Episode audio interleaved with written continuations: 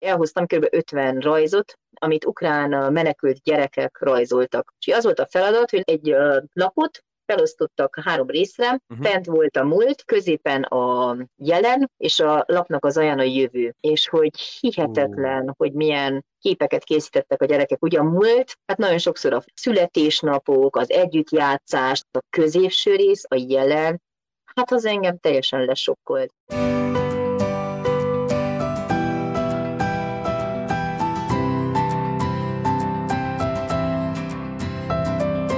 És azt mondja nekünk a StreamYard, az az applikáció, aminek a segítségével sikerült összekapcsolódnunk, igaz? Szia, Anna!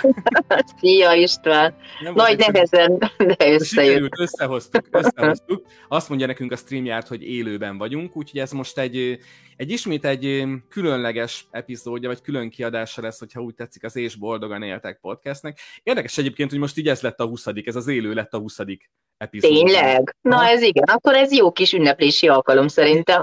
Jubileum, igen, jubileum. Egy picit várunk, amíg érkeznek a nézők, jó, mert itt szépen lassan potyognak be. Tök érdekes, mert egyébként amikor számolgattam, én azt néztem, hogy a, úgy, lett volna, úgy jött volna ki a matek a 20. részünkkel, hogy pont akkor zárjuk a tabu sorozatot, tudod, amit három résztel ezelőtt elkezdtünk, uh-huh. és egy részesre terveztünk közkívánatra. Aztán pénteken, jövő pénteken jön ki ugye a harmadik rész belőle, és akkor most azt mondtuk, hogy zárjuk egy kicsit a nyarat egy ilyen online stresszoldással. Vannak már egy páran, úgyhogy amíg várunk, hogy érkezzenek a többiek, azért azt is mondjuk el, hogy ez a videó, mint ahogy a különkiadásainknak a többsége, többsége, ugye ez a harmadik, tehát az végül is már többség, ez visszahallgatható lesz a szokásos felületünken, felületeinken, illetve ugye a YouTube csatornánk is elindult, úgyhogy arra is föltesszük majd ezt a videót, és ugye mindig azt is el szoktuk mondani, hogy a podcastünk működését a Podcast Beyond a Vodafone sokszínű tartalmakat népszerűsítő programja támogatja, hogy elmondtuk ebben is, és ezúton is köszönjük szépen a Vodafone-nak. Na, vagyunk egy páran, vagyunk egy páran, addig meséld el nekünk, hogy miért nem a könyvtár van a háttérben, ami szokott lenni, amikor beszélgetünk. Hát azért, mert most elutaztunk, és uh, egy olyan helyen vagyunk, ahol még az internetjel is kóvályog, mert hogy a barátnőmék szüleinek a nyaralójában vagyunk. Barátnőmnek itthon van a két kislánya, ők New Jersey-ből érkeztek haza, és hogy ezen a nyáron ez volt az egyetlen nap, amikor tudtunk találkozni, úgyhogy gyorsan felruhantunk ide a bucsénra, itt vannak az én lányaim, az ő lányai játszanak, és majd miután leer ez a, ez a külön kiadás, akkor majd felhívom a barátnőmet, és végre ezen a nyáron akkor tudunk beszélgetni. De most már utaznak vissza a lányok, és hogy sokszor ugye csak ilyen egy-két nap jut a nyárból, hogy találkozzunk. Úgyhogy ezért nincs, ezért nincs itt a könyvtár. a könyvtár a hátam mögött, illetve a lányoknak szóltam, hogy semmi veszekedés most egy óráig. szüneteltetve van a konfliktus, meg kell oldjanak mindent. Igen, ezt, ezt ugye a hallgatók nem mindig tudják, de hát azért, amikor mi vesszük föl a különböző epizódokat, akkor azért Lilla meg Zsona nagyon gyakran vendégszerepel ott a fölvételekben. Csak Igen, hát ők ugye megszokták, hogy hogy amikor órát tartok, és mondjuk szeminárium van, akkor integethetnek a lányoknak, ugye az egyetemista lányoknak, és akkor mindig beintegetnek, csak azért sokszor van olyan konferencia, vagy bármilyen előadás, aminél tehát ugye szerintem egyszer, hogyha valaki hátulról lefilmezni, hogy én ilyen rezdenéstelen arccal ülök, és akkor mondom a kis mondokámat, és ugye kezdemben így mutatom a bal kezemmel, hogy lefele, és akkor nézi Lilla meg Zsolna, hogy ez most komoly, és akkor négy kézláb, akkor még oda csúsznak, és akkor megmutatják a rajzot, vagy bármit, és hát emlékszem, egyszer lerajzoltak, hogy ülök a gép előtt, fülhallgató a fejemen, ott van előttem a mikrofon, és akkor ők ülnek a lábaimnál, és várják, hogy legyen vége az online akárminek. Már hát ugye azzal nem voltak szokva, hogy anya otthon van, de mégsem elérhető, mert most itt tudom, én órát kell tartsom, vagy bármit. Hát igen, anya otthon van mégsem elérhető, anya most ebben a pillanatban nem elérhető, mert itt van velünk és beszélget. Nyári, úgy hirdettük ezt az élőt, hogy nyári stresszoldás, de Ugye van akkor, volt egy korábbi részünk, ahol beszélgettünk arról viszonylag hosszan, hogy a nyár, azon belül is főleg a nyaralás mitől várhat stressz forrássá, illetőleg ezt hogyan tudjuk jól kezelni, úgyhogy szerintem erre talán, ha gondolod, érintőlegesen egy-két mondatban kitérhetünk, és ha valaki ezt nem hallotta, akkor ez egy ilyen kis promója lesz annak az epizódnak, hogy általában a nyár és a nyaralás mitől lehet stresszes, de ugye itt, egy most, itt most egy másféle stresszről fogunk beszélgetni. A nyár meg a nyaralás abból a szempontból lehet stresszes, hogyha mondjuk túl rövidre tervezünk egy-egy vakációt, mert az, hogy egyáltalán be kell csomagolni, érni, oda kell érni, el kell érni a repülőt, le kell parkolni az autót, fel kell érni a repülőre, meg kell találni az autóbuszt, oda kell érni a különböző helyszínekre. Ugye ez a külföldi megismeretlen helyszínek esetén, hogy mire kicsomagolunk, mire megszokjuk a helyet, akkor már lehet is összecsomagolni, és akkor hazajönni, és megint kicsomagolni, és persze rengeteg irracionális elvárás van ezzel a nyaralással kapcsolatosan, hogy mondjuk az egész éves stresszt, azt majd ezen az öt napon vagy tíz napon ki fogjuk pihenni. És közben rájövünk, van egy ilyen gyász élmény a végén, hogy jé, akkor lejárt és akkor megint jön egy következő év, ezért érdemes úgy tervezni, hogy, hogy akár ilyen kisebb vakációk, vagy kisebb ilyen felszusztanásnyi idők legyenek, akár évközben is. Tehát, hogy most nem az következik, ugye, mert nálatok holnap suli, nekünk azért még van Igen. három napunk, hogy elvileg felkészüljünk, mert mi ötödikén fogunk kezdeni. És ugye nálunk most átalakították amúgy a tanévet, nagyon-nagyon érdekes, mert hogy 6 hét és egy hét szünet. 6 hét, egy hét szünet, tehát egy kicsit az angliai rendszer szerint megyünk, és ez szerintem pont jó, mert hogy ez körülbelül az a ciklus, amiben úgy mindenki elfárad, a szülő és a gyerek is. És akkor van egy hét vakáció, ezt én például egy nagyon-nagyon jó ötletnek tartom, amiben megint regenerálódsz, megint kezdődik a következő hat hetes ciklus, és akkor megint van, amit várni. Mert ugye, hogyha a hétvégék is egy kicsit arról szólnak, hogy lehet akár pizsamanapot tartani, hogy nem is biztos, hogy el kell menni valahova. Egyszerűen csak megvárni, ameddig a lelkünk utolér, és, és csak úgy nyugiban lenni, hogy tényleg ez, ezeket a, a tevékenységgel teli időszakokat váltsa fel az a rész is, amikor, amikor csak úgy megérkezünk, úgy saját magunkhoz, saját magunkba, a saját családunkhoz, a saját történeteinkhez, valahogy elvarjuk a szálakat, mert a nyaralás, és akkor válik szerintem egy nagyon szép emlékké, amikor van időnk ezeket az élményeket elraktározni, hogy tudunk mesélni róla, vissza tudjuk hívni ugye a kedvenc élményeket, ez például a gyerekeknél is nagyon-nagyon fontos.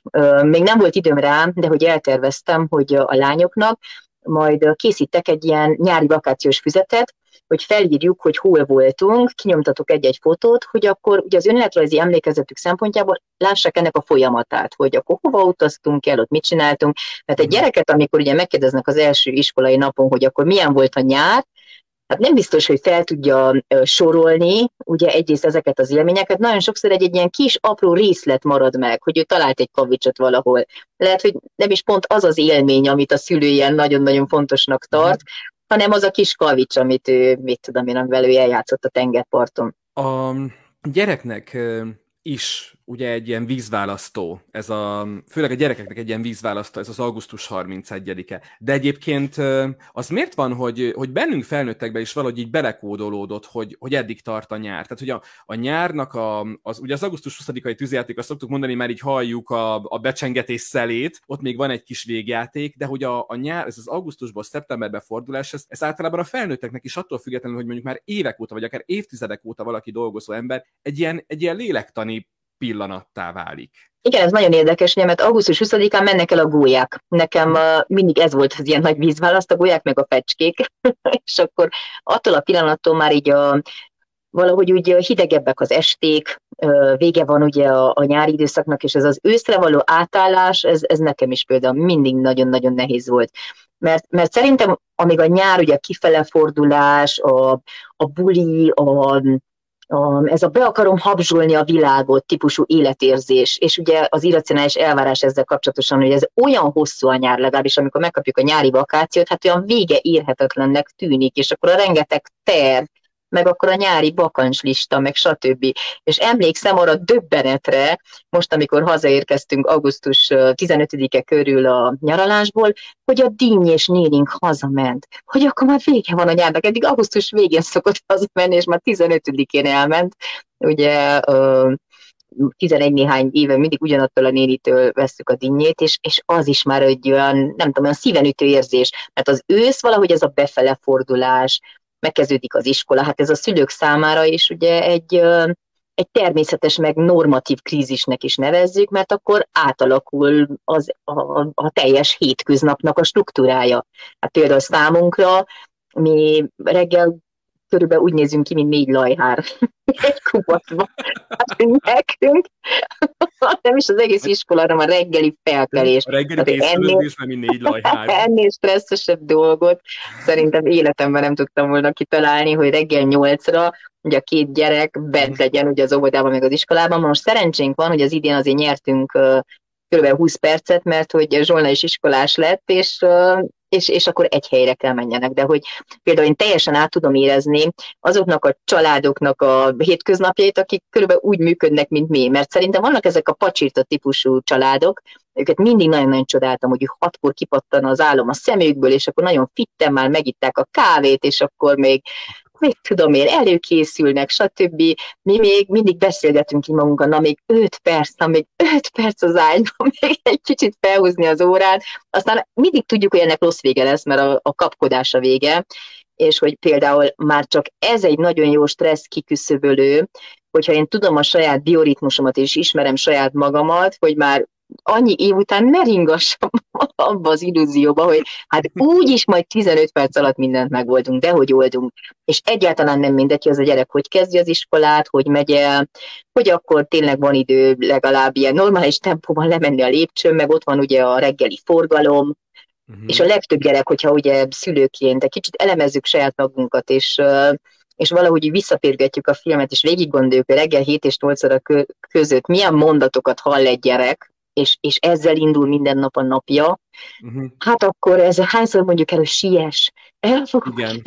most már végig fel fogok szerdészni magam. elmondtad, nekem ezt emlékszem, hogy akkor egy ilyen sok hatásként is ért ez a mondatot. Tényleg? A legtöbb uh-huh. gyerek ebben a, az időszakban alakítja ki a, a képet arról, hogy milyen az, amit te, mi, milyen neked dolgozó embernek Igen. lenni. Mert ugye a gyereknek az az ingere, a napi ingere reggel 7 és 8 között, ugye onnantól hogy az iskolában nem látja, hogy neked hogy telik a napod. Ez utolsó ingere az volt, hogy síkideg vagy, kapkodsz, nem tudod, hol áll a fejed, nem találod a cipőd, nem találod a telefonod, nem találod a táskát, nem találod a nem tudom mit, és hogy te így mész dolgozni, és egy ilyen kép alakul ki a gyerekedben arról, hogy milyen dolgozó embernek lenni. Én emlékszem, hogy nekem ez nagyon, engem ez nagyon lesokkolt, amikor ezt mondtad egy korábbi részünkben, hogy úristen, tényleg milyen fontos lenne egy picit figyelni, hogy a gyerek ezt veszi le, hogy majd ilyen lesz, amikor én dolgozó ember leszek. Igen, és a másik dolog, hogy persze az illúzióinkban, vagy nekem is a vágy álmaimban mindig ez az amerikai filmjelenetes kép maradt meg.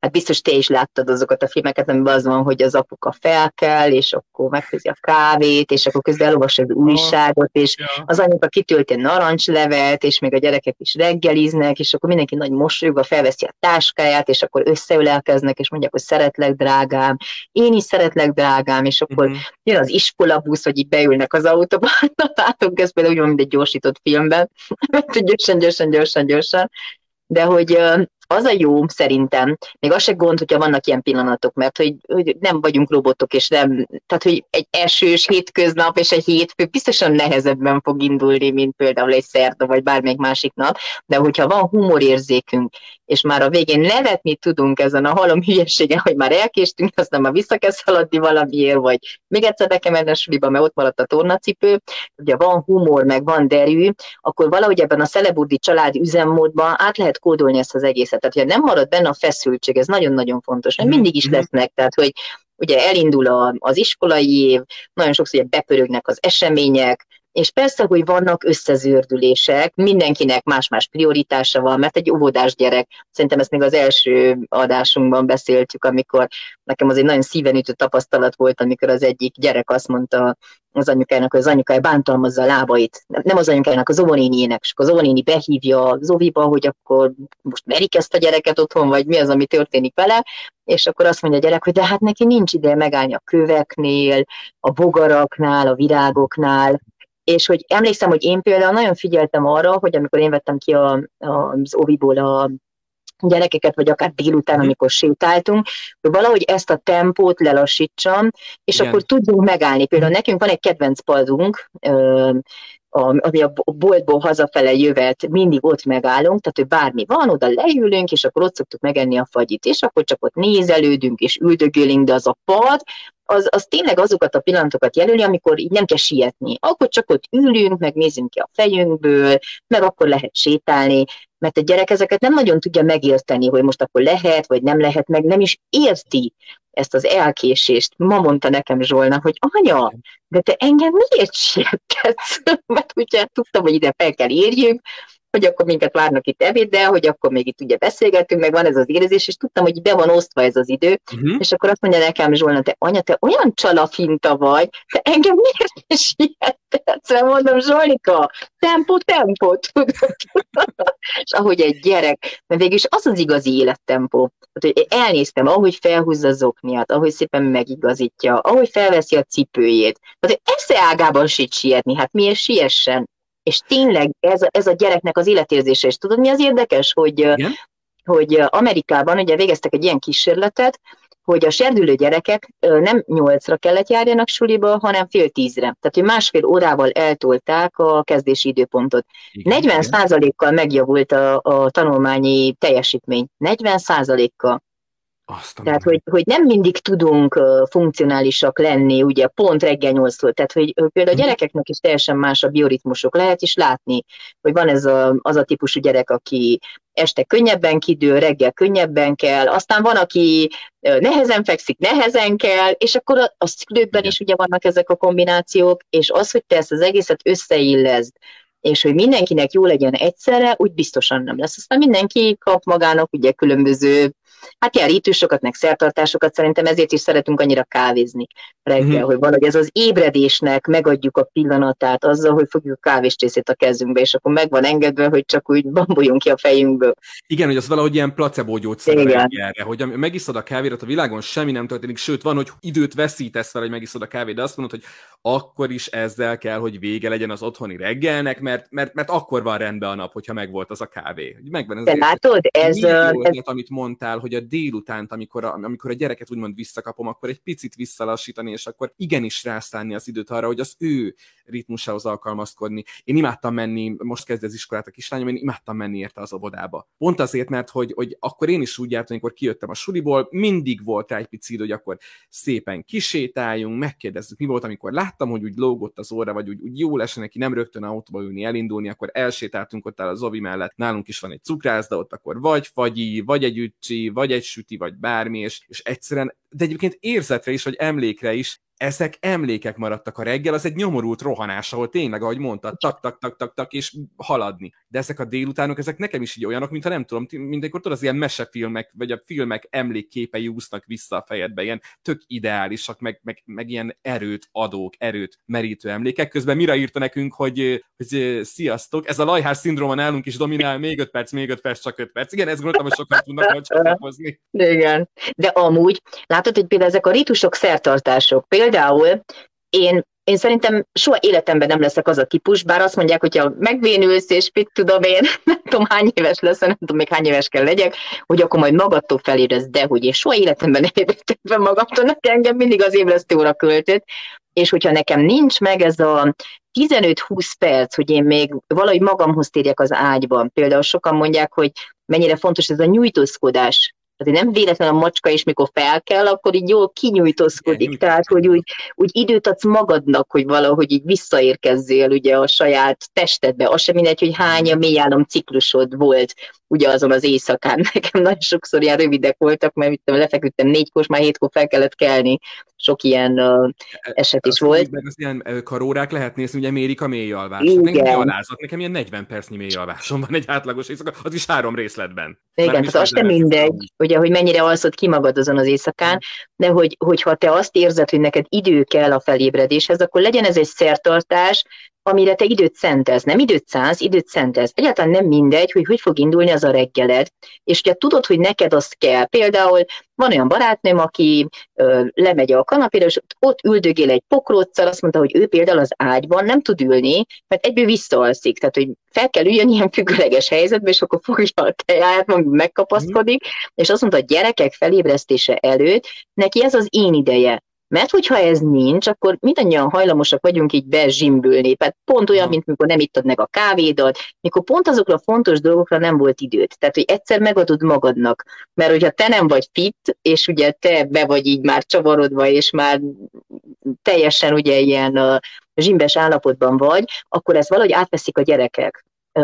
Nagyon-nagyon szép rítusuk volt a barátnőménknek, én ezt például soha nem tudtam megcsinálni, ő mindig a, az ágyba vitte a kakaót, meg a, hát a mézes tejet ivotta a lánya, és a kakaót a fia.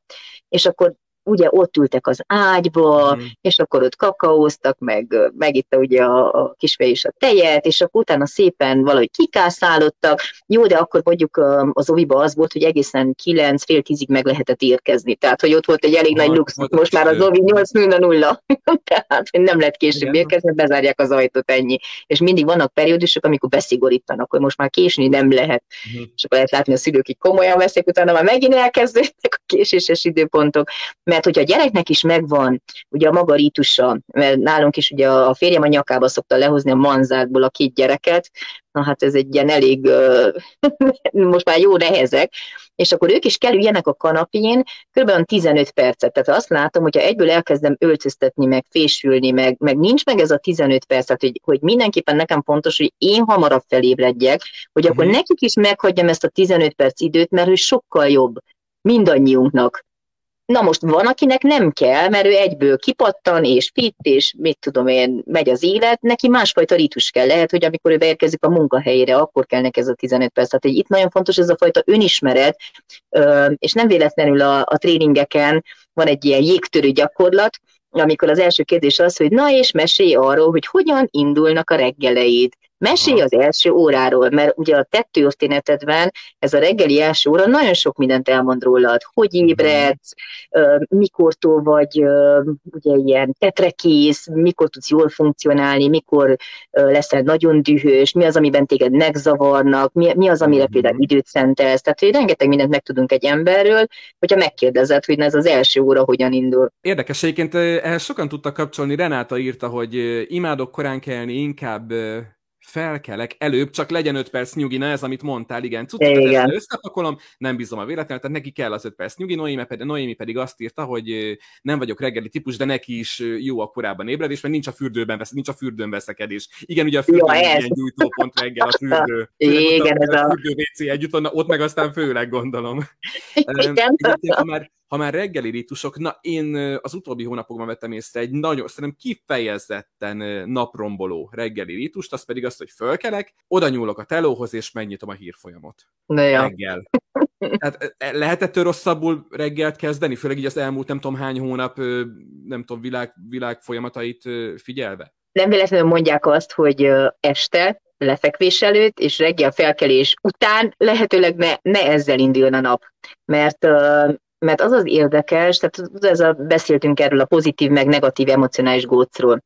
Mert Igen. akkor az van, hogy meglátsz egy hírt, hogy mit tudom én, mondjál egyet, amit az utóbbi időben olvastál, és ilyen Utóbbi, negatív. Mondok egyet, az egyik, hogy mondjuk Magyarország meg, egy, megállapodott Orosz, Oroszországgal, és akkor kap sok gázt, ez az egyik mai hír. A másik meg, hogy hogy mit tudom én, napok hírei, hogy bizonytalanság van ott az ukrán atomerőmű körül. Hát, hogy az egyik elég pozitív, a másik meg azért elég ijesztő. Igen. Na most a pozitíva, hogy most van elég gáz, azzal hogy jól vagy, azt nem, nem is fogsz Aha. utána nézni, hogy tényleg kapott elég gáz, ezt, ezt így nyugtáztad. Na, de most, hogyha gond van ott az atomerőmű körül, akkor az van, hogy elkezdesz utána kutakodni, hogy jé, tényleg, akkor ez a portál ezt írta, a másik mit írt, akkor lássuk még részletesebben, akkor tényleg hogy vannak, akkor ő mit nyilatkozott, mit nem nyilatkozott.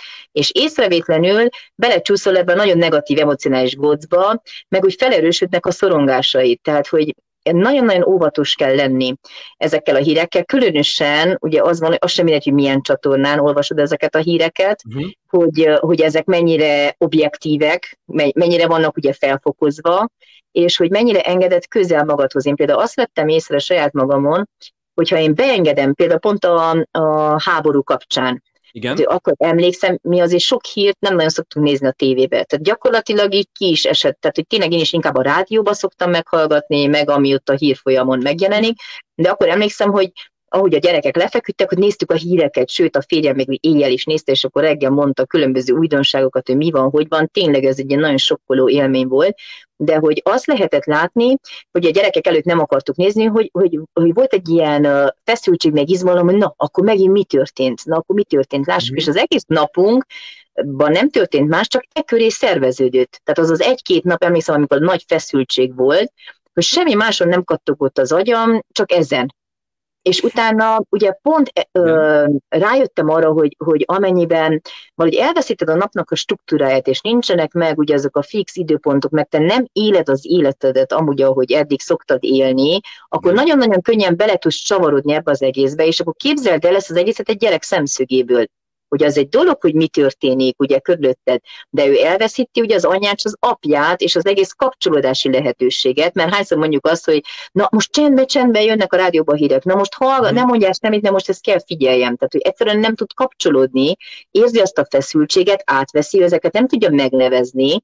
Ezért van az, hogy nagyon sokszor óvodáskorban ezek az agresszív kitörések, az indulatok, ugye ő a játékában, a kapcsolódásaiban tudja valahogy ugye elaboráció során feldolgozni ezt az egészet is, és nagyon mm. sokszor ugye ott marad ezzel a, ezzel a bizonytalansággal, ami, ami nem is kézzel fogható, mert nem neked való, hogy az ő szintjén nem mondjuk el ezeket a történéseket, akkor nagyon nagy feszültséget pakolunk nem csak magunkra, hanem a gyerekre is. Persze, hogy nem élünk egy ilyen tündérmesében, ahol azt mondjuk, hogy na most akkor több hírt nem nézek, és nem hallgatok, és engem nem érdekelnek a világ dolgai, mert felnőttként azért mégiscsak az a dolgot, hogy tájékozódj a világban, meg, meg amennyi információ szükséges, az mégiscsak el kell jusson hozzá, de hogy ebben is érdemes határokat felállítani, hogy mennyi. Mert hogy én sokszor látom, van olyan ismerősöm, hogy, hogy tényleg ő a, a hírfolyamokon él, nap mint nap, Igen. folyamatosan a híroldalakat, tehát hogy én, én például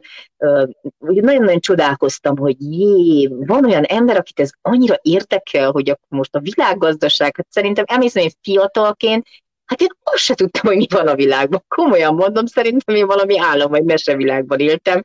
Egyszerűen nem ért. GDP, meg ilyen fogalmakat én nem, nem értettem, azt se tudtam, hogy mi Nem az. érdekelt semmi. Aztán szerintem ez a fiatal felnőtt kornak a, ugye a közepe, tehát ez a, szerintem ez a 35-40-es évek az, amikor így nem tudom, tehát hogy valahogy megérkezel szerintem így a világ dolgaiba, meg a te történetedbe, és akkor már már, már te magad is ugye elemzel különböző dolgokat, felmérgelődsz különböző dolgokat. Nem, nem véletlen az, hogy például a svédek, ugye én nagyon sokszor szoktam hozni ezt a svéd példát, nagyon szeretem náluk ugye a kávészünetben, nem lehet beszélni sem politikáról, semmilyen gazdasági kérdésekről, mert az a 10 perces kávészünetben amúgy se tudod kifejteni, plusz, hogyha két ellentétes pártnak a képviselő elkezd beszélgetni, az nagyjából vitába szokott hulladni, ha? és akkor ezeket a témákat kerülni kell. Például a családi összejöveteleken, kávészüneteken, ezekről ők nem beszélnek. Ez a, ez a fika a kávészünetnek egy nagyon-nagyon fontos szabálya, hogy Aha. ezeket nem hozzuk be. Ez Jó, és még van egy nagyon jó szabály. Ez egy ilyen ki nem mondott dolog, úgymond? Tehát ez, ez nem, ki mondott? Ki mondott? Ki mondott? Igen, ez, egy, ez nem egy iratlan szabály, ez egy közmegegyezésen alapuló szabály. De érdekes. És van még a, a hügge, a, ugye a Dán életfilozófiába, Igen, majd egyszer erről majd részletesen, mert ez az egyik kedvenc témám, hogy, hogy itt nem kell semmit bizonygatni, itt már szeretnek téged. Tehát nem kell felülicitálni a másikat, hogy na képzeld el, hogy én akkor mit tettem le az asztalra, és akkor nekem most ez van, vagy az van. Tehát nem kell senkit felülicitálni, egyszerűen érezzük jól magunkat, hogy ez is mennyire fontos, mert akár például már a, a hírfolyamoknak a tehát az, hogy ki mennyire tájékozott, abban is felül lehet licitálni a másikat, hogy én még ezt is olvastam, és azt is olvastam, és akkor te tudtad, és te hát ho, hogy lehet az, akkor ezekből kimaradni? Tehát, hogy még ez is lehet akár egy ilyen, egy ilyen rivalizálási felület szerintem. Érdekesség, a Health Communication szaklapban egy fontos tanulmány jelent meg nemrég a hírfogyasztás mentális, illetve a fizikai egészségre gyakorolt hatásáról. Azt írja egy nemrég publikált sajtóközlemény, most puskázok, hogy az emberek, akik, akiknek rögeszmés késztetésük van arra, hogy állandóan csekkolják a híreket, nagyobb valószínűséggel szenvednek stressztől, szorongástól, valamint a fizikai egészségük is rosszabb, mint azoknak, akik kevesebbszer néznek rá a hírekre. Azt írják, hogy a súlyosan problémás hírfogyasztók 61%-a számolt be arról, hogy kicsit vagy nagyon, de tapasztalt testi rosszul létet, míg az összes többi részvevőnek csak olyan 6,1%-a számolt be erről. Mert hogy? Miért beszélünk erről, és miért neveztük ezt nyári stresszoldásnak? Mert ugye mondtad, hogy a nyár vége, az őszbefordulás alapból egy fontos lélektani pillanat, gyakorlatilag minden évben az ember életében. Beszéljünk gyerekről, beszéljünk felnőttről, beszéljünk családapáról, vagy családanyáról, vagy egyszerűen csak egy dolgozó emberről. Ez egy fordulat, ahol az ősz, ahogy mondtad, egy kicsit korábban sötétedős, hidegebben élős, nem tudom, ilyen barátságtalanabb időbe fordulós időszak, ami alapból úgy nem szolgálja a mi lelkünknek úgymond a kisimítását. Na de hát, hogyha van mögöttünk nyár, ami aztán nagyon nem simogatta a lelkünket, még akkor is, hogyha nem bújtuk a híreket, akkor az talán, talán ez most egy ilyen nyár volt. Nem? Nálunk Magyarországon mondjuk így a hírek tekintetében és a minket ért ilyen infok tekintetében biztosan, de hát szerintem azért nálatok sem volt ebből hiány. Nem beszélgettünk is erről. Pánik, vásárlási pánik, üzemanyag pánik, pánik, tűzifa pánik. Tehát ezek vannak mögöttünk, és ez mintha egy ilyen lavinát indított volna, ami néha intenzívebben, néha kevésbé intenzívebben ijeszget minket, de úgy előttünk van valahogy a szemünk előtt, hogy majd összejön ennek a, a java. Tehát hogy kezeljük ezt a helyzetet, Anna? Igen, az uh, nagyon sokszor uh, megütött a fülemet ez a mondat, hogy na majd ősszel, aztán meglátjátok, mi lesz, és hogy most nem tudom mennyire Igen, hogy megdrágult. a levegőben, hogy majd Igen, tehát hogy valahogy ez a fenyegetés, hogy majd aztán meg lesz ennek a bőtje ezeknek a nyári dolgoknak, és akkor most jön az ősz, és hogy az életünk legnehezebb tele lesz. Biztos, hogy nagyon sok minden változott, és maga az egész világgazdasági helyzet, meg, meg ugye a a környezetünkben történő dolgok biztos, hogy rányomják a bélyegét, de én azt gondolom, hogy, hogy az, hogy valami nehézé váljon, az mindenképpen ugye a te részed is benne kell legyen. Tehát, hogy kérdés az, hogy, hogy mennyire ülsz fel erre a lóra, mennyire adsz hitelt ezeknek a dolgoknak, és mennyire próbálod úgymond én úgy szoktam mondani, hogy meg kell vetni a lábad a földön, tehát hogy, hogy rengeteg mm. dolog ugye azért mégiscsak rajtad áll és tőled függ. Mert hogyha mondjuk azt vesszük, akkor akinek van pénze és minden mindent ki tud fizetni, a soha életében nem, nem lenne depressziós, nem? De akkor miért van az, hogy még a nagy híres sztárok is, akik multimilliárdosok, átmennek olyan időszakokon, amikor ugye nehézséget élnek meg az életükben, akár belső szempontból, tehát hogy, hogy a te részed, és ugye az, hogy te lelkileg mennyire vagy reziliens, mennyire vagy rugalmas, alkalmazkodó képességű. És itt jönnek be ugye akár a nagyszüleink, szüleink, dédszüleinknek a történetei, hogy azért azért az nem volt semmi, amit ők átéltek, mert nekünk a, a szomszédunkban van a háború, de ők hmm. nagyon gyakran ugye konkrét háborús helyzetekben is voltak, és ők tényleg hmm. megtapasztalták azt, hogy mi az az éhezés, és mi az, hogy tényleg egy zsákkrumplit volt jó esetben egész hónapban, és akkor abból kellett valamit kreatívan előállítani. Tehát, hogy nagyon gyakran ugye ez, ez pszichésen felfokozzuk ezt a helyzetet. Persze, hogy vannak ennek reális alapjai, mert tényleg vannak olyan családok, akik a lét minimum alatt éltek eddig is, és akkor hatványozottabban lesz nehéz az életük. Itt most ugye a, a szociális háló, ami mögötted van, azért az sem mindegy, hogy, hogy ugye mi az, amire te számíthatsz ugye támogatásként, segítségként, mi az, milyen lehetőségeid vannak akár ö, ugye a környezetedben, tehát hogy, hogy én nem, nem bagatelizálni akarom ezt az egészet, viszont, ö, viszont az, hogy én én hogyan élem meg, az, az mégiscsak rajtam áll. Tehát, hogy az összes külső információt, az ugye a saját belső szűrőmön keresztül engedem át magamhoz, és hogyha ezt én felfokozom, és még ráteszem ugye a magam szorongását, a magam pánikját, tehát ez végig nagyon sokszor a kisködmön szindróma, hogy még a gyereknek a fejébe esett a káposztáskő, emlékszel arra a mesére, szerintem egyszer elmondtam ezt a mesét, vagy nem mondtam el? Kisködő, az a kedvenc mesém. Nem, nem. nem mondtam el?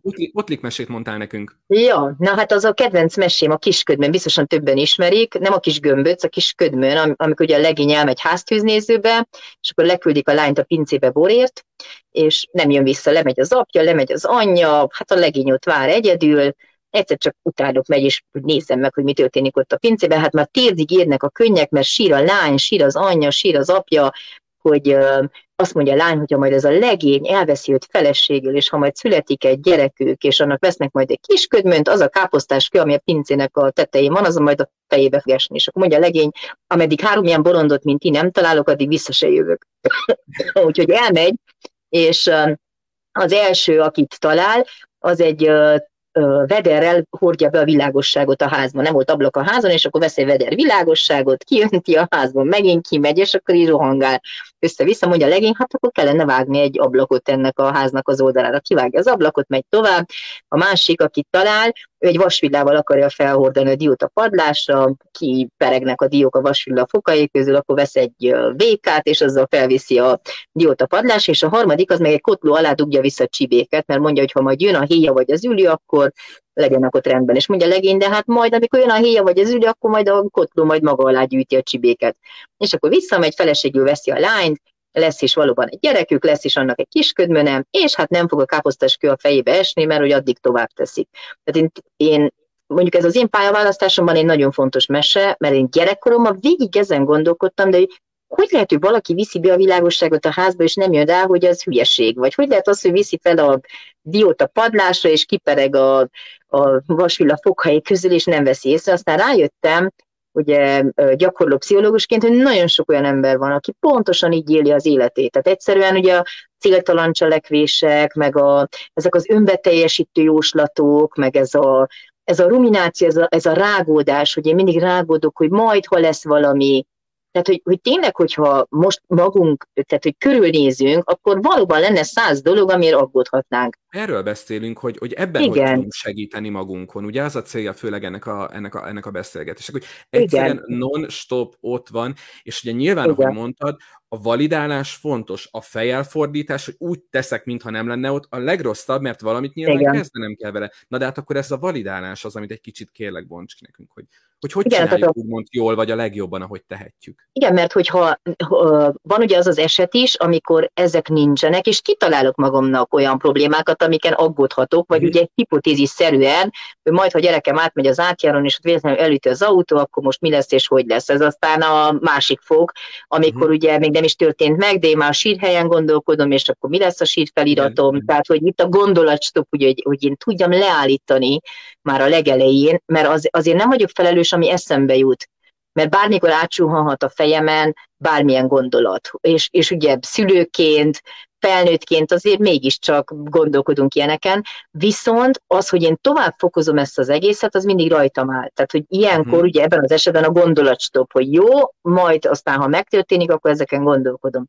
Másik rész ugye, hogy itt vannak ez, valóban ezek a valós problémák, hogy uh, talán ugye az elmúlt uh, időszakban, vagy, vagy akár egy egész, tehát hogyha az én végig a saját életemet végignézem, soha nem volt ilyen időszak, amikor ennyi minden lett volna. Talán még a kommunizmus évei, de hát azzal nem én kellett megküzdjek gyerekként, hanem ott a felnőtteken volt a teher. Igen. Tehát, hogy volt rengeteg időszak, amikor gyakorlatilag tényleg a gondtalanság, a jól lét, most, hogyha visszatekintünk, mert akkor mégis más, más dolgokat láttunk problémának. Tehát Persze, akkor még nem úgy láttuk, hogy az jó volt, viszont most visszatekintünk, azt mondjuk, hogy jaj, az milyen, mennyivel jobb volt ehhez képest.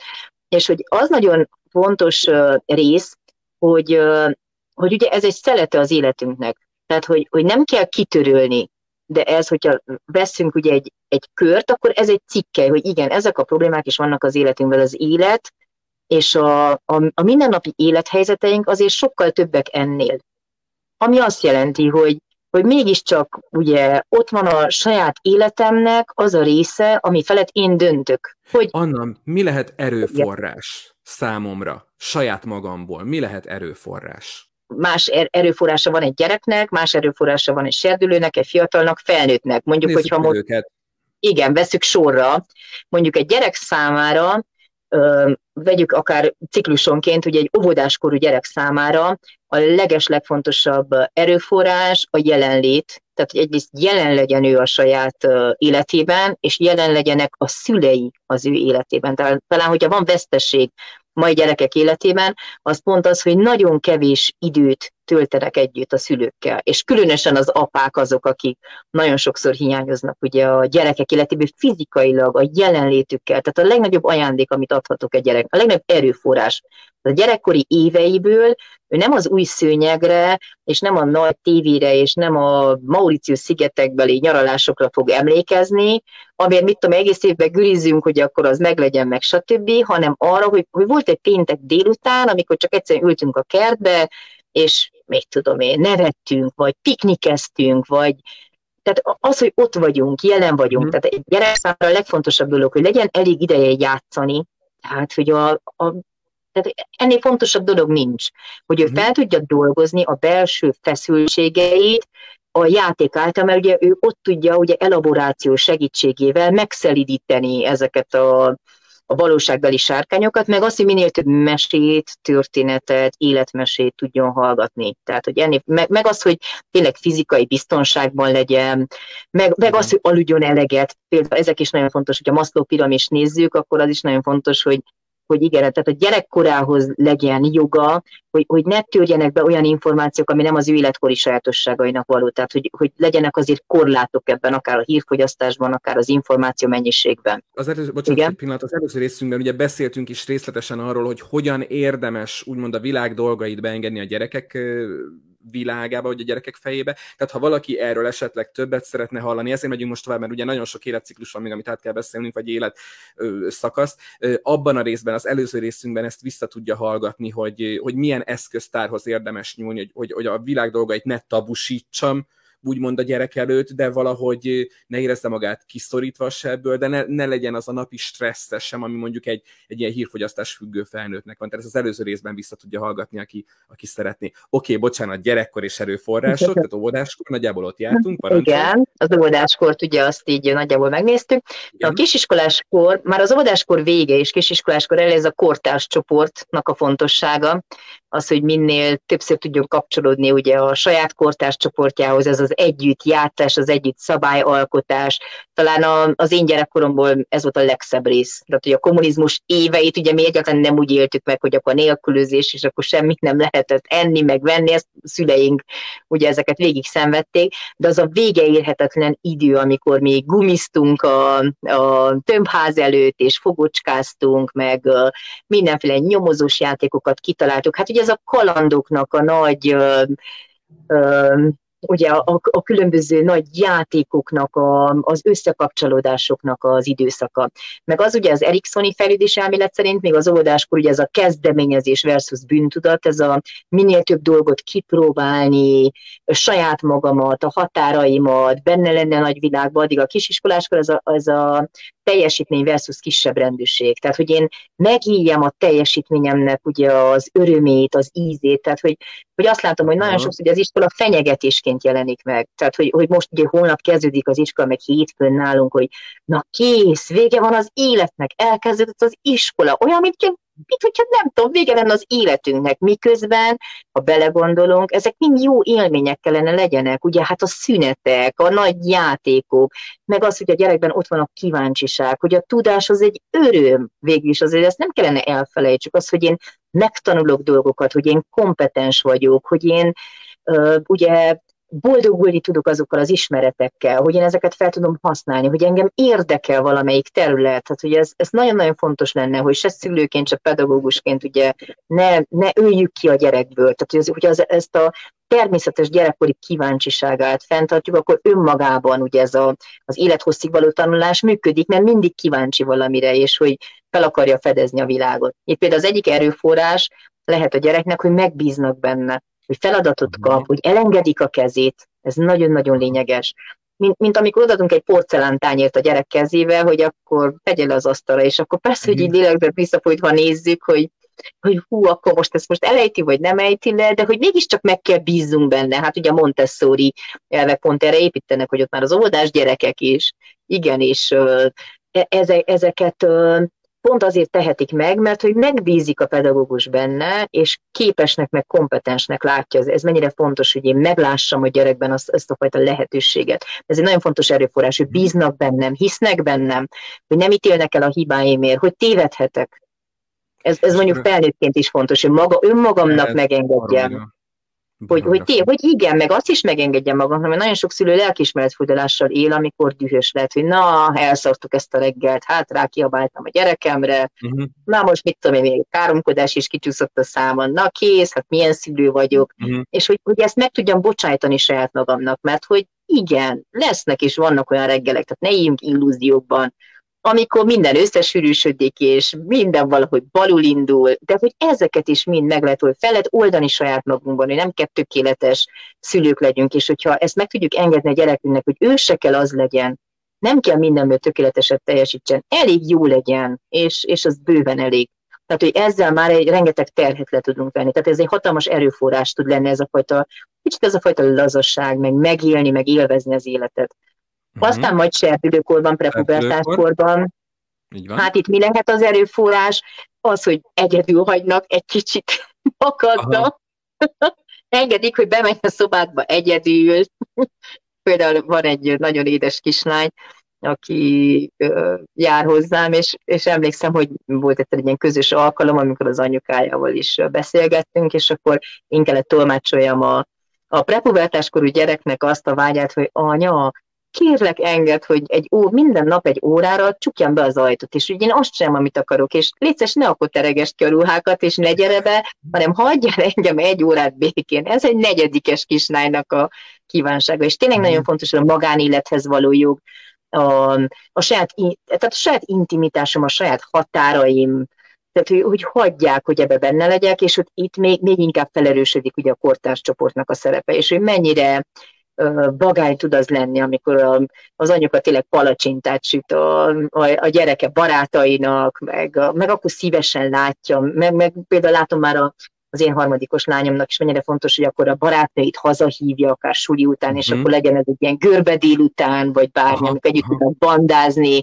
és csak annyira legyünk jelen, amennyire fontos, hogy bevisszük mhm. azt a palacsintát, és akkor békén hagyjuk azt Így a gyereket. Van. Ez nagyon nehéz amúgy. Tehát, hogy nagyon nehéz, hát ugye ezt a határt betartani. Tehát, hogy, hogy mert, mert nem úgy következnek ezek a szakaszok, hogy egyszer ki lesz írva, hogy most a gyerek prepubertáskor egyszer csak benne vagy szülőként. Jé, már pofázik, jé, már ekkora lett. Jézusom, és akkor persze, hogy nem el. 7 éves ugye kislánya, most kezdett iskolát, és valahol volt egy kis barátnével egy közös program. Ja igen, kézilabda táborban volt, és volt ilyen tábor száró, ahol mindig hívják a szülőket, és akkor a gyerekekkel együtt szülők is ismerkedjenek, pizzázunk, minden dumájunk, tök jó egyébként.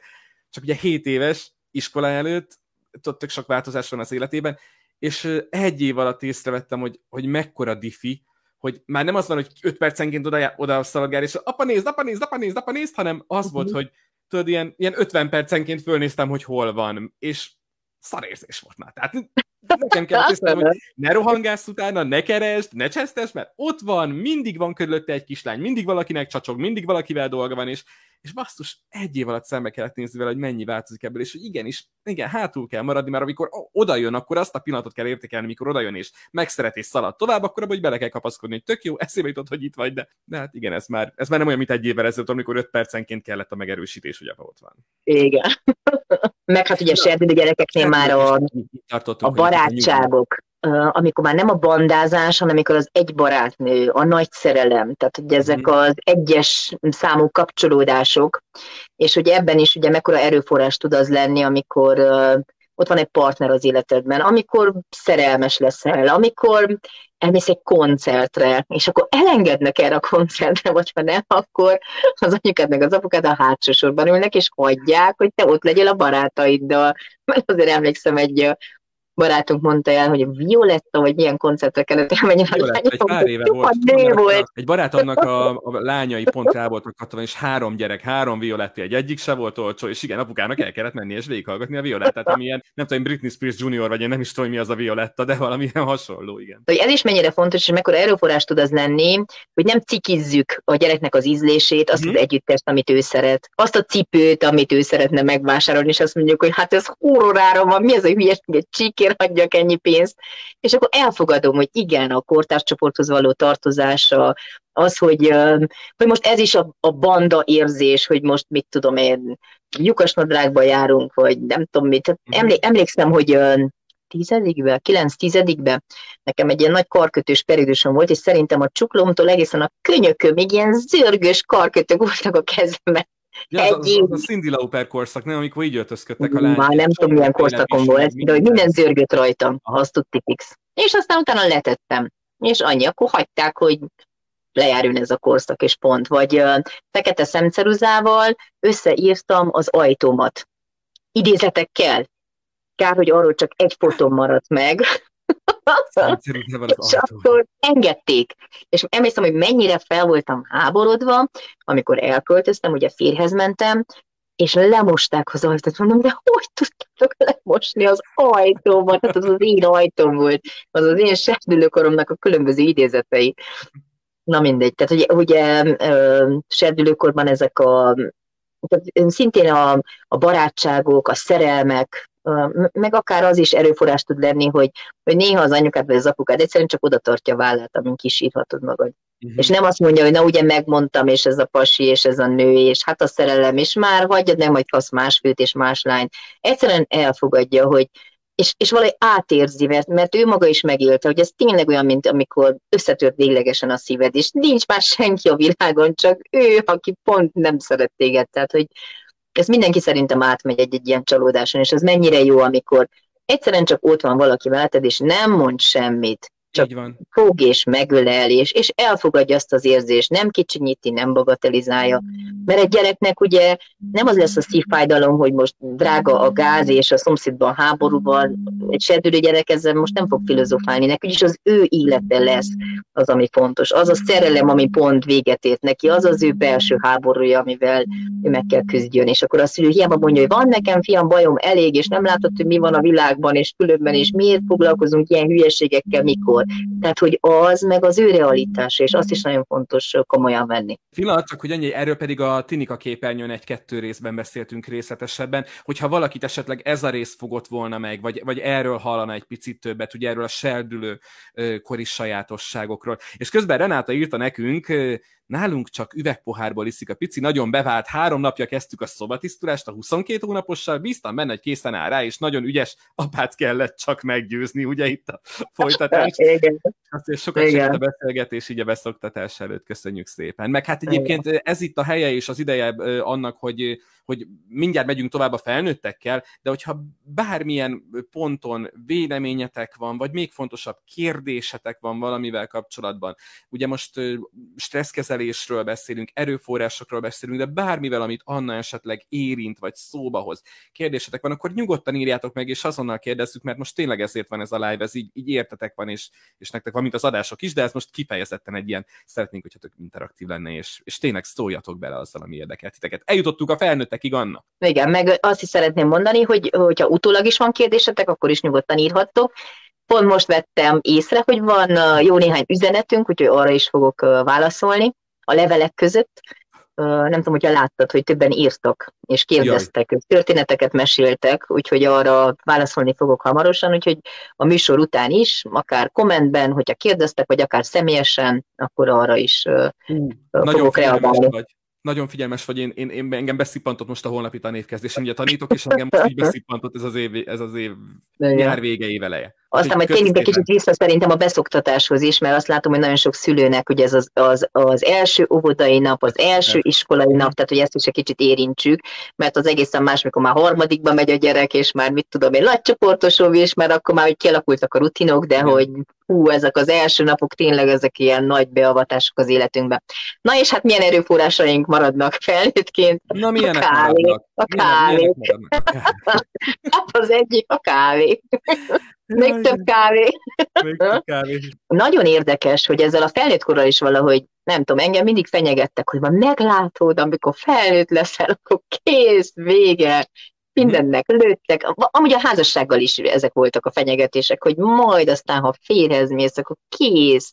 Ennek is vége van, annak is vége van, és szerintem ez is egy döntés kérdése, hogy te felnőttként hogyan akarod megélni ezt, a, ezt az egész történetet, hogy mennyire, mennyire veszed szívre a, a különböző nehézségeket, mennyire, mennyire tudod visszahozni szerintem ezt a belső gyermeki játékos kreatív énedet, mert hogyha az ott van, és veled van, és valahogy kézenfogva mentek ezen az úton, akkor semmi nem lesz olyan veszélyes, hogy valahogy ne éljétek túl. Mert, még uh, akkor is, amikor ennyire ugye, mindennapi fenye, lét, fenyegetettség vesz minket körül, még akkor is, Anna, még akkor is meg tudom fogni ennek, hogy meg kell találnom ezt a gyereket, és meg kell tudnom fogni a kezét. Gondolja az Élet szép című filmre. Nekem mindig az egy nagy példa az életemben, hogy, hogy az apa ugye, amikor a világháború borzalmait teszi mesélhetővé a gyereke számára, és ott ugye a koncentrációs tábor közepén amikor lehetett nevetni, és lehetett játszani, és lehetett egy teljesen más világot varázsolni. De mind, mindig megvan a lehetőségünk. Tehát, hogy a szabadság, tehát bármilyen korlát van, és bármilyen szűk az a korlát, a két pont között mindig ott van a döntésnek, meg a választásnak a szabadsága. És az, hogy Persze itt, itt nagyon sok döntés van már előtte, mert az, hogy te felnőttként milyen munka mellett döntöttél, mi az, amit választottál magad számára, hogy akkor ez tényleg ez kínlódás, vagy túlélés, vagy élvezettel teszed, vagy van, van olyan momentum, amiben bele tudsz feledkezni, hogy megéled egyáltalán ezt az áramlat élményt. Szerintem ennél nagyobb áldás felnőttként az életedben az, hogy szereted azt, amit csinálsz. Tehát ennél fontosabb dolog szerintem nincs. Mert hogyha szereted, akkor igazából belefeledkezel rengeteg momentumba, érdekel. Nem azért teszed, mert a főnököd adott egy pisztolyt a fejedhez, hogyha megcsinálod, akkor jó, ha nem, akkor mit tudom én, ki vagy rúgva, hanem egyszerűen te önmagadért teszed, mert, mert, mert jó neked azt, azt, amit csinálsz, hogy, hogy te a saját szakmai fejlődésed érdekében képzett tovább magad, érdekel, tehát, hogy megtalálni ezt a területet, ez biztos, hogy nem egy könnyű folyamat senkinek az életében. Ebben lehetnek tévutak, és az se gond, hogyha például felnőttként azt mondom, hogy na ezt nem, ezt egyáltalán nem akarom csinálni és nem ezt a pályát akarom választani. Tehát, hogy ez az egyik nagy döntésünk, ugye, hogy mit választottunk magunknak, mert akkor a munka az lehet egy nagyon nagy erőforrás, Persze, mm. hogy mhm. ennek is mindig vannak kellemetlen része, és vannak nehéz része, és vannak határidők, és vannak, tehát van egy csomó macera mind mindennel. De hogy ezeket a részeket enyhíteni fogja az a történet, ami, ami tényleg ennek az egésznek a szépsége, és hogy mennyire jó, amikor óvodás gyerekekhez például be kellett jöjjenek szülők, nagyszülők, és meséljenek a foglalkozásukról, volt egy ilyen pályaválasztós hét, és annyira jó volt látni azt a nagymamát, a fogorvos nagymamát, aki olyan szenvedéllyel mesélt ugye nyugdíj előtt arról, hogy akkor igen, hogy ő fogorvosként, és hogy hogy van, tehát hogy a hangján, és, és az egész attitűdjén átsütött az, hogy, hogy ő mennyire szerette ezt az egészet, ami, amit ő csinált. Nem azt mondta, na jó, végre leállt ez az egész, minden, ma alig várom, hogy menjek nyugdíjba, már legyen uh, ugye ennek a történetnek vége, hanem szenvedéllyel beszélt ebbe az egész. Én mindig nagyon szeretem azokat az embereket, akik, a, akik valamit úgy, úgy mint mikor a horgász horgászik, hogy ott van, jelen van, élvezi azt, amit csinál, mert, mert szerintem ez csak így érdemes. Mert akkor lesz egy nagy erőforrás ebben az egészben meg, a, meg maga a játékosságon. A, tehát a munka lehet egy fontos erőforrás, azt mondod. Igen. Igen, a, meg maga a szabadidőben, ugye, és, és nem csak a szabadidőben, mert hát a munkának is van játékos eleme, mm. tehát hogy ezt a kettőt azért nem kellene elválasztani egymástól, mert valahogy úgy van, mint hogy a felnőttként ez az egész elkülönülne, miközben egy gyereknek a játék az nem egy tevékenység, az egy létforma. Gondolj csak egy óvodás gyereknek a lét eleme a játék. És felnőttként olyan, mint hogyha ezt a játékosságot kihelyeznénk, és azt mondjuk, jó, most dolgozom, aztán majd Aha. társas játékozom, és majd játszom a gyerekemmel, és ezek amit a feladatok lennek, miközben a játékosság azért átszőheti a teljes életünket. Például reggel, mikor megyünk be a Zóviba, suliba, visszük a gyerekünket, akkor mit tudom én, feltesszük a kedvenc dalunkat, és akkor mit tudom én, állunk a piros lámpánál, mert vannak ezek a hosszabb piros lámpák, amikor 90-ről vissza kell menjen az egyesig, úgyhogy van másfél perc, és akkor bulizunk benne az autóban, mit tudom, énekelünk, vagy pütyörészünk, vagy mit tudom én, vicceket mesélünk, vagy akkor hátradőlünk, és mormott a pozícióban még egy kicsit alszunk, vagy mit tudom én, bármit csinálhatunk közben.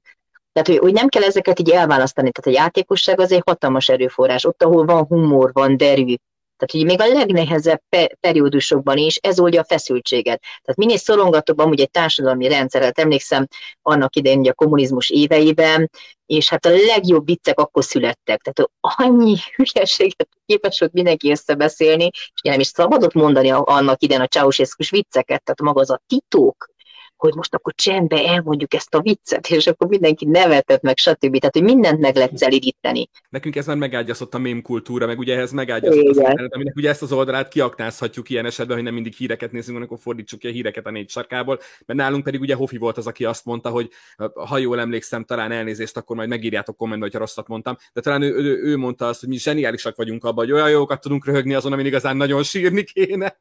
Hogy Igen át tudjuk formálni, nem tudom, mérget orvossággá. Igen, persze, hogy nem mindig minden helyzetben lehet. Tehát azért okay. ezt is el kell különíteni, hogy mikor igen, mikor adekvát egy humor, és mikor tud akár átmenni cinizmusban, tehát aminek már egy éle van, tehát hogy az egyáltalán nem oké, okay, hogy humorizáljunk valamivel, ami a másik számára egy rém komoly dolog.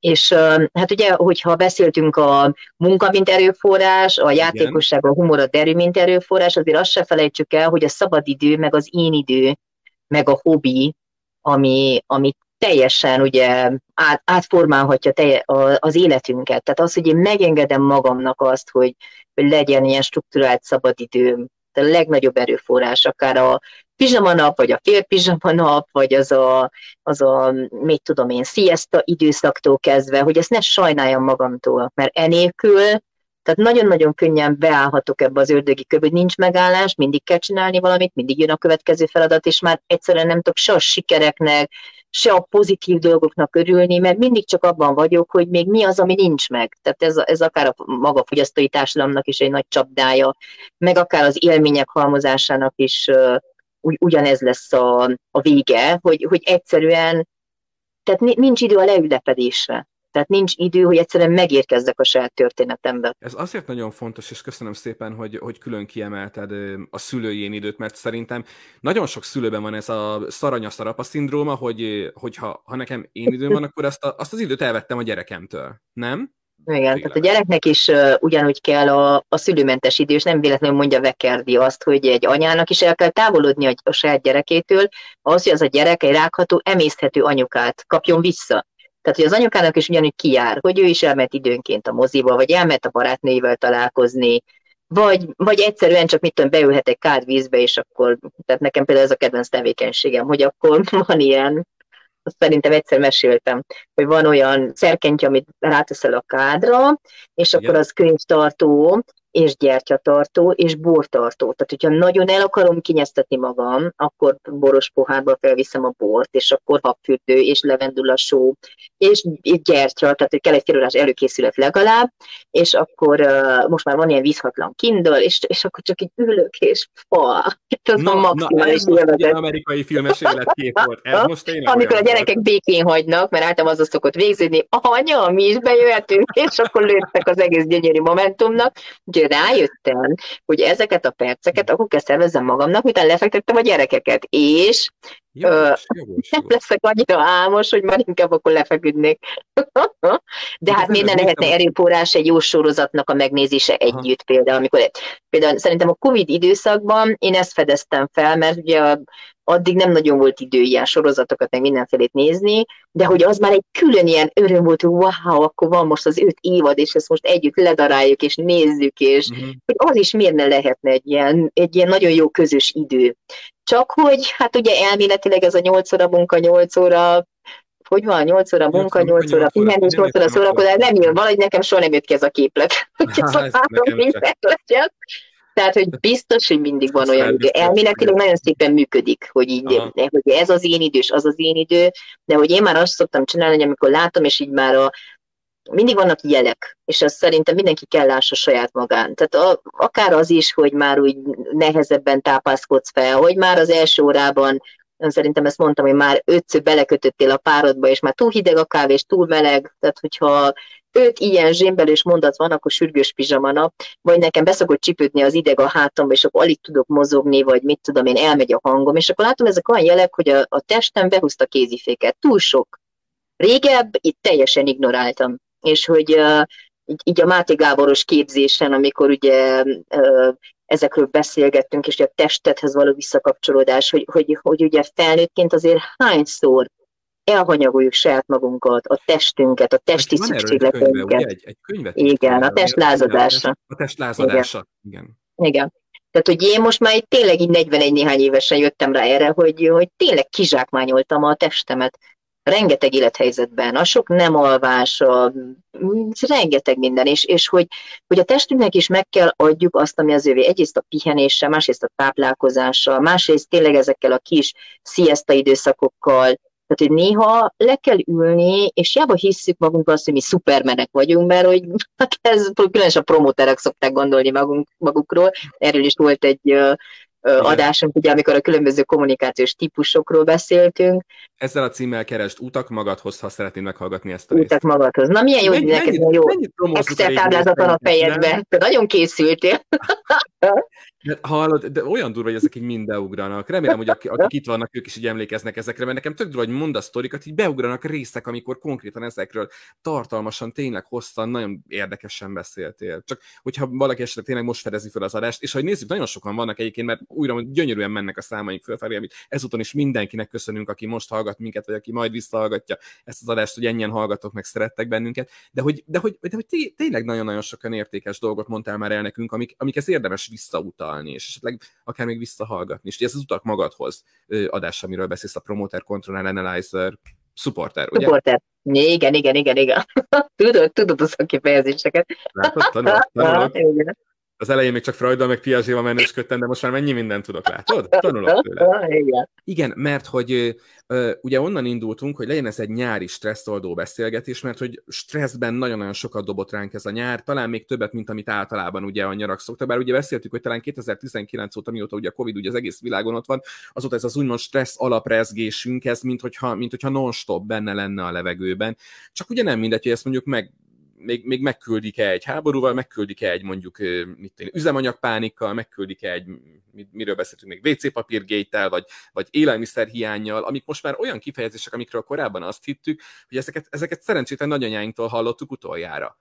És, és ezek most a mindennapjaink részévé váltak, de hát akkor, akkor végül is én azt ültem le abból, amit mondtál, hogy vannak azok a, azok a, azok a kis merítőkanállal nagyon-nagyon pici dózisban, de magunkban azért mindig megtalálható erőforrások, amik felé fordulhatunk, vagy amikből meríthetünk, amikor úgy érezzük, hogy nagyon elhatalmasodna rajtunk, ami, ami körülvesz bennünket. És igenis minden, minden élet szakaszban megvan ez az erőforrás bennünk, csak kicsit felé kell fordulni, még akkor is, amikor ez rohadt nehéz, és, és nagyon-nagyon-nagyon tudatosan kell erre figyelnünk. És hogy ezek szerint ö, már jelenti, hogy testi tünetei lennének ennek, amiről szintén beszéltünk, hogy a stressz ugye testi tüneteket tud, fizikai tüneteket tud, tud produkálni, már amikor men, már mentális jelei vannak. Ennek mondjuk, hogy mondtad, az az öt mondat. Az öt mondat után pizsinap.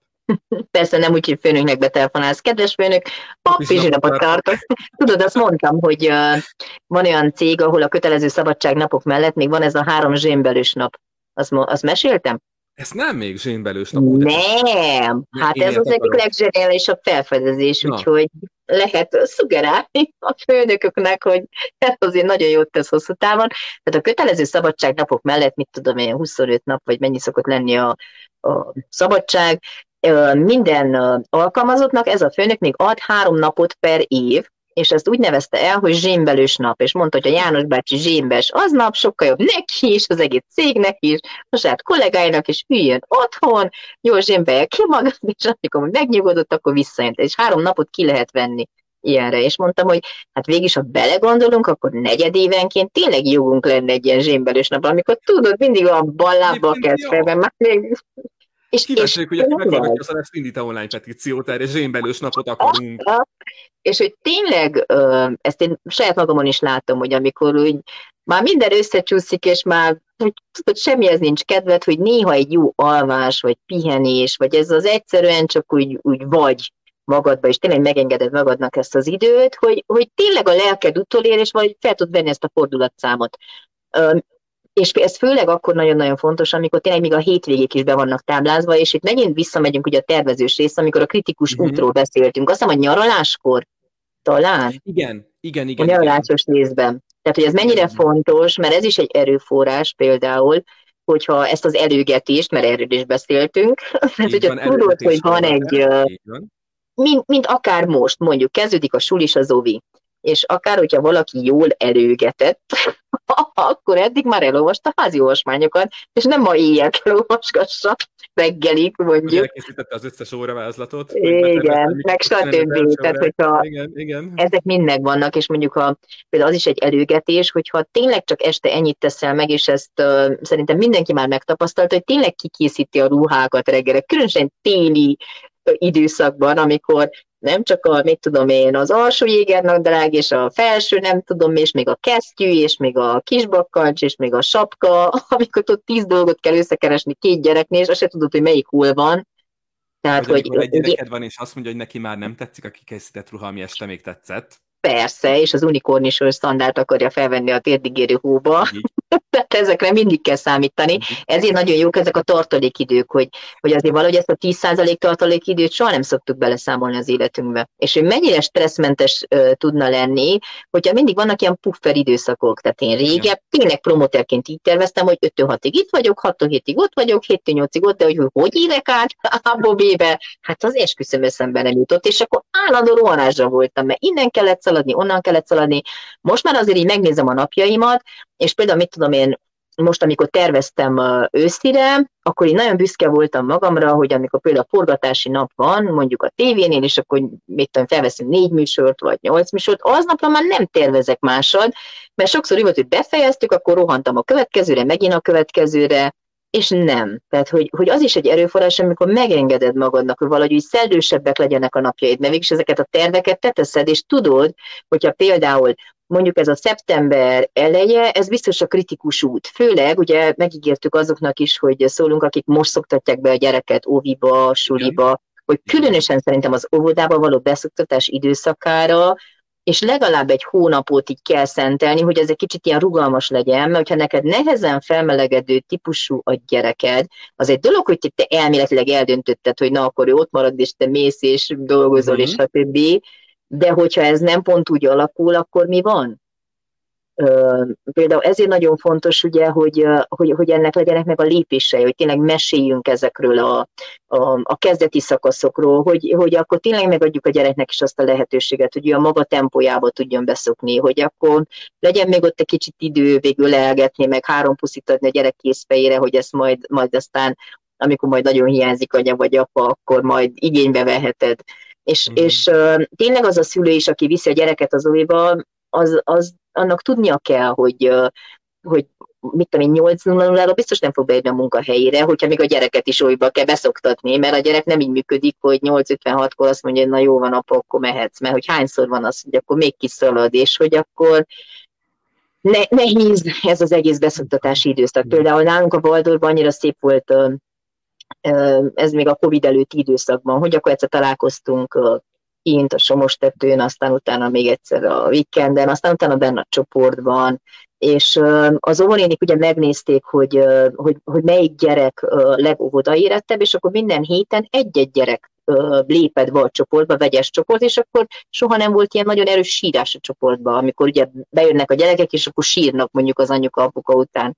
Hanem, hanem egyszerűen minden héten egy gyerek érkezett, és október végéig tartott a beszoktatás, persze ez nagy luxus, mert olyan helyzetben, ahol a, a szülő már munkába kell legyen, és mondjuk nincsenek nagyszülők, akkor ott nem mindig lehet megoldani, de hogy hogyha van rugalmasság, és mondjuk ebben is ugye meg lehet beszélni, tehát van olyan is, amikor amikor tényleg ez egy, egy, ez egy hosszabb időszakot ölel fel, vagy, vagy amikor a gyerek ugye iskolát kezd, hogy egyáltalán egy családnak átalakul a napi ritmusa, mert ott van már a tanulás, hát hogy ott már teljesen más struktúrájúak a, ugye a délutánok, oda kell állni a gyerek mellé, különösen ugye olvasás, írás, tanulás szakaszában. Tehát, hogy ezek ilyen Hát nagyon sok türelem kell, ameddig, nem hiába mondja Vekerdi, hogy minden szülő a saját gyerekének a legrosszabb kórepetitóra.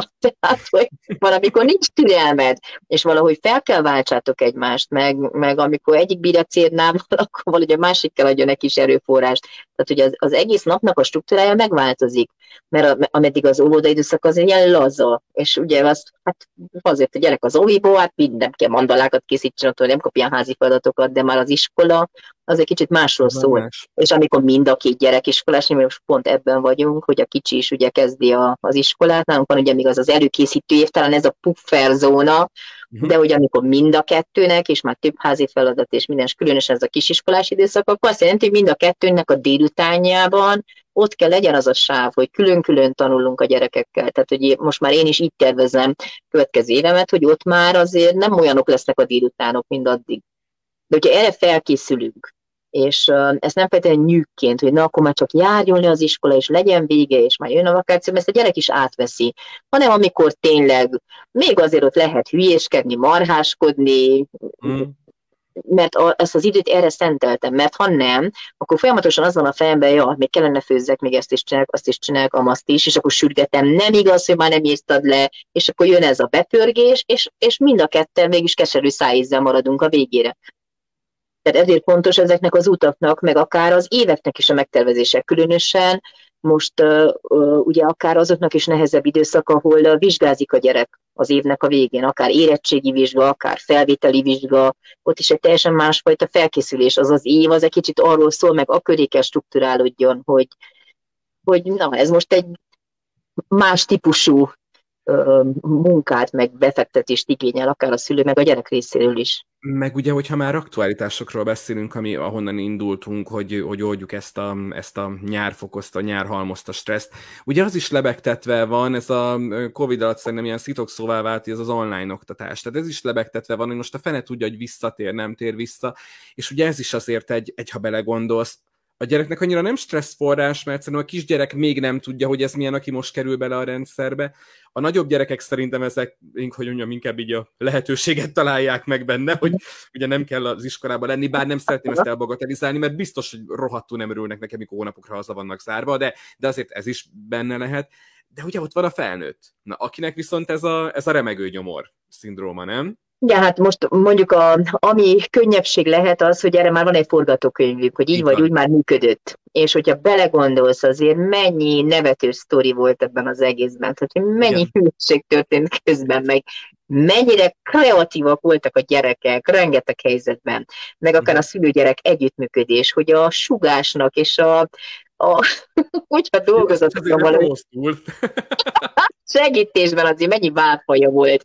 Tehát, hogy ezt azért szerintem a tanárok is látták, a szülők is tudták, hogy és ez a vagány, amikor már ezekről is mesélni lehet, hogy igen, akkor ebben az időszakban ez is volt, az is volt, amaz is volt, belefért, és valahogy végigcsinálják, tehát hogyha lesz majd ilyen időszak, ha bár most azt mondják, hogy bármi lesz, azért az iskolák mégsem zárnak be, igen, aztán igen, én nem igen. tudom már mi lesz és hogy lesz, de ha már online lesz, akkor arra mégiscsak van egy forgatókönyvünk, és nem vasárnapról hétfőre kell átálljunk, mint ugye akkor volt egy éjjelünk, Igen. hogy az online oktatásból ugye témába tegyük magunkat, most már azért vannak kapaszkodóink, és és, és azért ennek a résznek is szerintem megvannak a maga előnyei, mert például az egyetemi oktatásban nagyon jól lehet váltogatni. Nagyon sok mindent ugye megtartottunk ebből uh-huh. az mhm. online rendszerből, hogy gyűléseket, államvizsga konzultációtól kezdve tehát, hogy ez működhet tényleg rengeteg minden hibrid formában. Jó, most pont nem az egy-négy osztályban, amikor írás-olvasás igen, tanulás igen, van, bár ugye az én kislányom Valdorban pont ezt az időszakot csinálta végig, és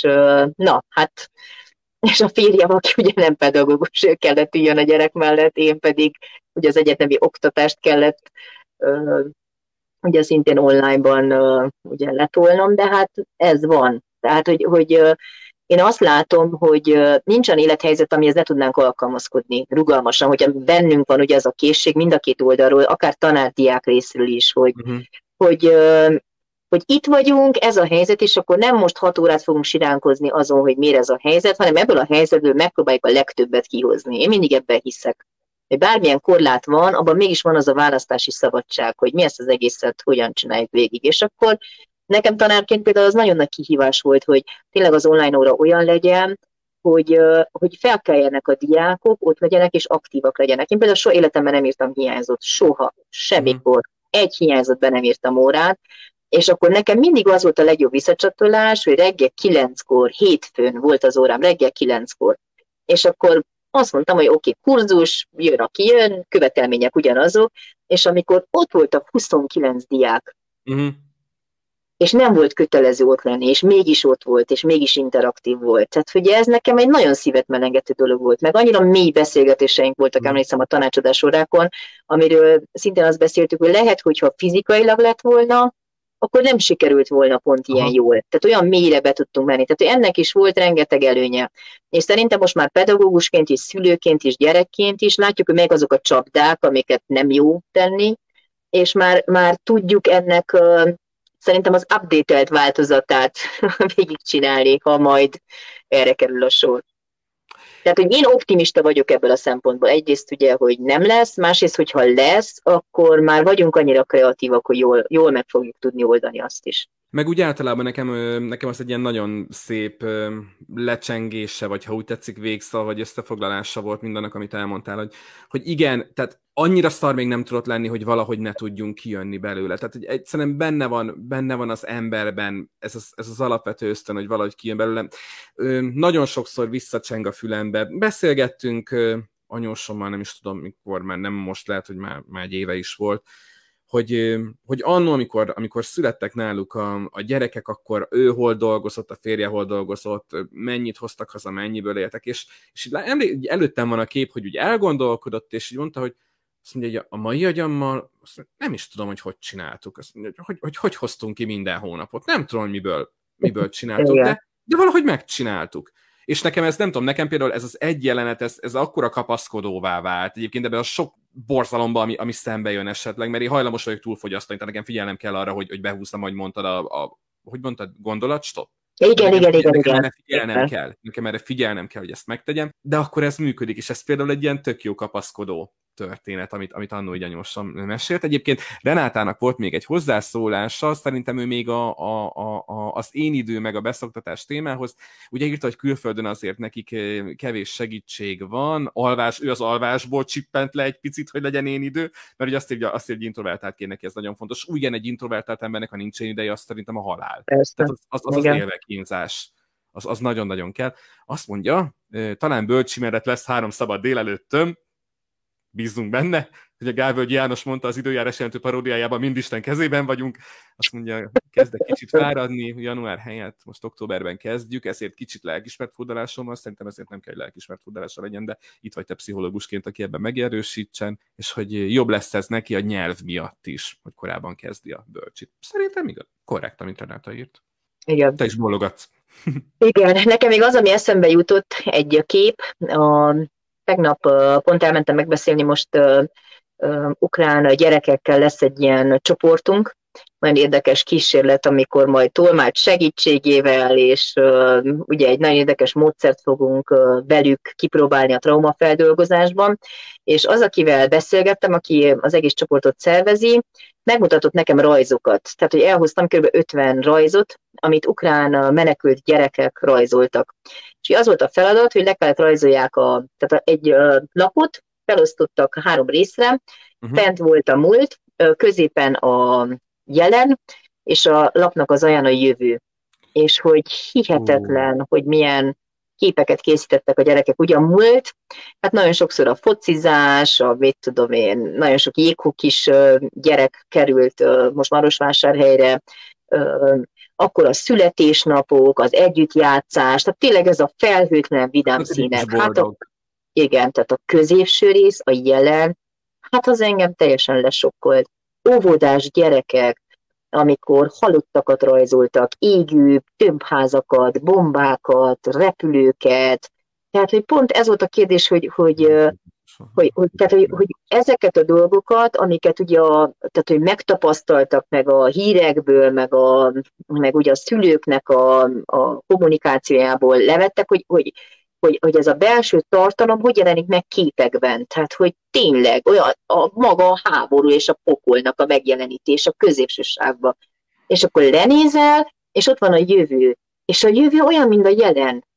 Tehát az új barátok, a foci, a találkozások, a, akkor sokan lerajzolták ugye, hogy ez a földgömb, meg a béke, meg hát annyira édes volt egy gyerek, ezt el kell mondjam, hogy egy, lerajzolt egy számítógépet, a kereső, hogy keresi Oroszországot, és írja, hogy not found. Jó, jó, jó, jó, jó, jó. Lerajzolta, hogy minden Ukrajna lett. Tehát, hogy, hogy, hogy, hogy, hogy minden kisimult.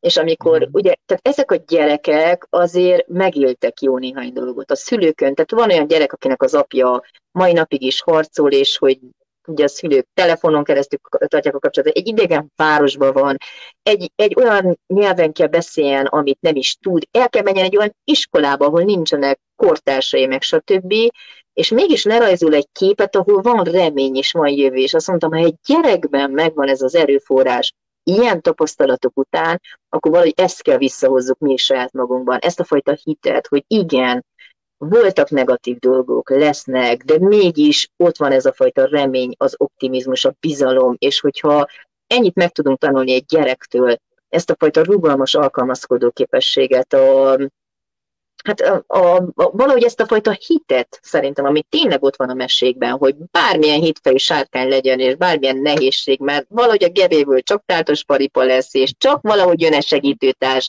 és amit az anyósod mondott, hogy hát nem tudom, hogy de valahogy csak kibogoztuk magunkat. És hogyha uh-huh. ebben hiszünk, akkor én nem azt mondom, hogy, hogy nem kell tegyünk semmit, mert a súlygalam majd a kezünkbe fog repülni, mert ez nem így történik, mert rengeteg munka és rengeteg önreflexió és, és, és, és nagyon sok erőforrás kell benne legyen, viszont hogyha ott van a hit a végén, ugye mind a Zimbardo féle időperspektívában, mert szerintem erről is beszéltünk egyszer, hogyha van hitünk elindulni, van hitünk kitartani, és van hitünk abban, hogy mégiscsak ott van egy pozitív kép a végén, akkor jóval könnyebb lesz ez az út. Vagy jóval könnyebb lesz visszatekinteni majd a nehézségekre, amiken átmentünk, mert az nem mindegy, hogy milyen történeteket hagyunk majd a gyerekünkre, és hogyan meséljük ugye nekik ezeket a jelen pillanatokat, ami, amiben akár a jövőben egy reményteli, pozitív kép is lehet. Tehát akármilyen szörnyűséget át lehet, át lehet keretezni, fel lehet dolgozni, még a legnehezebb traumákból is van valahogy kiút, mert, mert hogyha ebben nem hiszünk, akkor nagyon könnyen ott ragadunk ebbe a középső sávba. Tehát, hogy, hogy kész, vége lehet a történetnek, vagy lerajzolhatjuk ugyanazt a harmadik részbe, hogy ezt most megéltük, és akkor ez most csak így lesz. És szerintem ez tényleg gyönyörű szép végszava volt ennek a beszélgetésnek, és egy záró gondolat is, amivel mindenkit, aki most velünk tartott, akár itt élőben, akár majd visszahallgatva ezt az adást, útjára engedhetünk. Reméljük, hogy tényleg kapaszkodó volt ez a beszélgetés, reméljük, hogy kaptatok válaszokat a kérdéseitekre és nagyon-nagyon szépen köszönjük, hogy itt voltatok velünk. Ha esetleg, aki utólag hallgatja vissza, azt hallja, hogy ez a hang nem olyan, mint amilyen lenni szokott, ugye ez azért van, mert ugye ez egy Facebook élő beszélgetés volt, ennek a hangját tesszük majd közé Spotify-on, Apple Podcast-en, Google Podcast-en, Deezeren, RSS-en, mindenhol, ahol szoktuk, illetve természetesen a, a Patreon felületünkön is, ahol ezúton is elmondjuk, köszönjük szépen, hogyha beléptek a támogatóink közé, bár tudjuk, hogy azért az emberek többségének ilyenkor nem ez a legnagyobb problémája az életben, de ha mégis azt szeretnétek, hogy, hogy, hogy egy kicsit hozzá tudjatok járulni az, hogy még sokáig csinálhassuk ezt a műsort, azt nagyon-nagyon szépen megköszönjük patreon.com per és boldogan éltek, és bár ez adás teljes hosszában mindenkinek visszahallgatható lesz, ugye a Patreonon tudni kell, hogy mind a 19 részt, ami már elérhető, hosszabb, bővített formában hallgathatjátok meg sok-sok olyan történettel, gondolattal, szállal, ami esetleg a, a standard adásokból kimarad és nincs benne. Jövő héten jövünk új epizóddal, amiben a családi tabukat, azokat a témákat, amik családban hajlamosak